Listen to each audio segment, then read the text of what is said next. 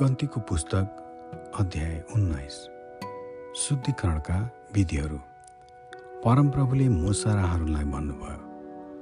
परमप्रभुले दिनुभएको व्यवस्थाको एउटा विधि यही हो। निष्कोट र निष्कलङ्क। कहिले जुवा नपरेको एउटा रातो कोरली। तिनीहरू कहाँ ल्याउनु भने इजरायलीहरूलाई भन। तिनीहरूले ल्याउन्। तिमीहरूले एलाजार पुजारीलाई त्यो दिनु। र त्यसलाई छाउनी बाहिर ल्याइयोस् र उसको सामुन्ने त्यो मारियोस्। त्यसपछि एलाजार पुजारीले आफ्नो औँलाले त्यसको रगत लिएर भेट हुने पालको अघिल्तिर सातचोटि छर्कोस्। उसका नजरको सामु त्यो कोरली त्यसको छाला मासु रगत र गोबर समेत जलाइयोस्।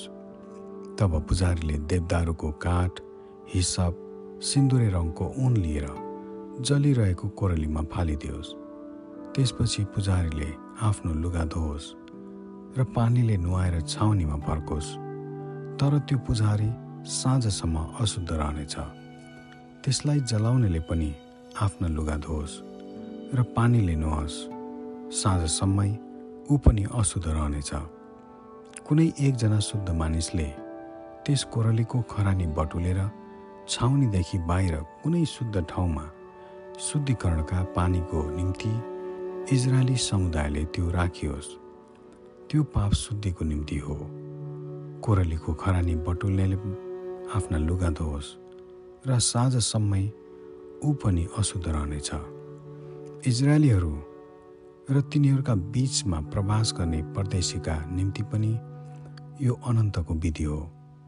मान्छेको लास छुने व्यक्ति सात दिनसम्म अशुद्ध रहनेछ। त्यसले आफूलाई त्यस पानीले तेस्रो र सातौँ दिनमा चोख्याओस् अनि त्यो शुद्ध हुनेछ। तर त्यसले तेस्रो र सातौँ दिनमा आफूलाई चोख्याउन पाएन त त्यो शुद्ध हुँदैन। जसले ज कसैको लास छोएर आफूलाई चोख्याउँदैन त्यसले परमप्रभुको पवित्र वासस्थान अशुद्ध पार्छ। त्यो मानिस इजरायलीहरूबाट बहिष्कार गरियोस्। शुद्धिकरणको पानी त्यसमाथि छर्किएन। यसै कारण त्यो अशुद्धै छ। त्यसको अशुद्धि त्यसमाथि रहिरहनेछ। कुनै मानिस पालमा मर्यो भने त्यसको बारे नियम यही हो। त्यस पालमा आउने र पालभित्र हुने हरेक मानिस सात दिनसम्म अशुद्ध हुन्छ। ढकनी नलगाएको हरेक खुला भाँडा अशुद्ध हुन्छ। बाहिरतिर तरवारले मारिएको वा आफै मरेको लास अथवा मानिसको हड्डी अथवा चिहान जसले छुन्छ त्यो सात दिनसम्म अशुद्ध हुन्छ। त्यस अशुद्ध मानिसको निम्ति पाप बलिको जलाइएको खरानी लिएर भाँडामा हाली बगुवा पानी पनि त्यसमा नहाल्नु।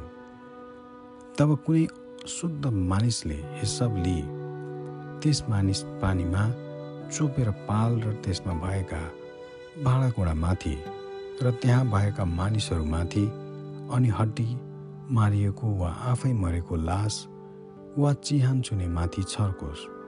शुद्ध मानिसले अशुद्ध भएको माथि तेस्रो र सातौँ दिनमा त्यो पानी छर्कोस्। सातौँ दिनमा चाहिँ उसले त्यसलाई चोख्याओस् र त्यसले आफ्ना लुगा धोए नुहाओस् अनि साँझमा त्यो शुद्ध हुनेछ। तर अशुद्ध हुने मानिसले आफूलाई चोख्याइन भने त त्यो व्यक्ति समुदायबाट बहिष्कार गरियोस्। किनभने त्यसले परमप्रभुको पवित्र स्थान अशुद्ध पार्यो। त्यसमाथि शुद्धिकरणको पानी छर्किएन। यसै कारण त्यो अशुद्धै रहन्छ। तिनीहरूका निम्ति यो अनन्तको विधि होस्। शुद्धिकरणको पानी छर्कनले पनि आफ्ना लुगा धोओस्। त्यो शुद्धिकरणको पानी छुने पनि साँझसम्म अशुद्ध रहनेछ। अशुद्ध मानिसले जेसुकै छोए पनि त्यो अशुद्ध हुन्छ र त्यो छुने पनि साँझसम्म अशुद्ध हुन्छ। आमेन।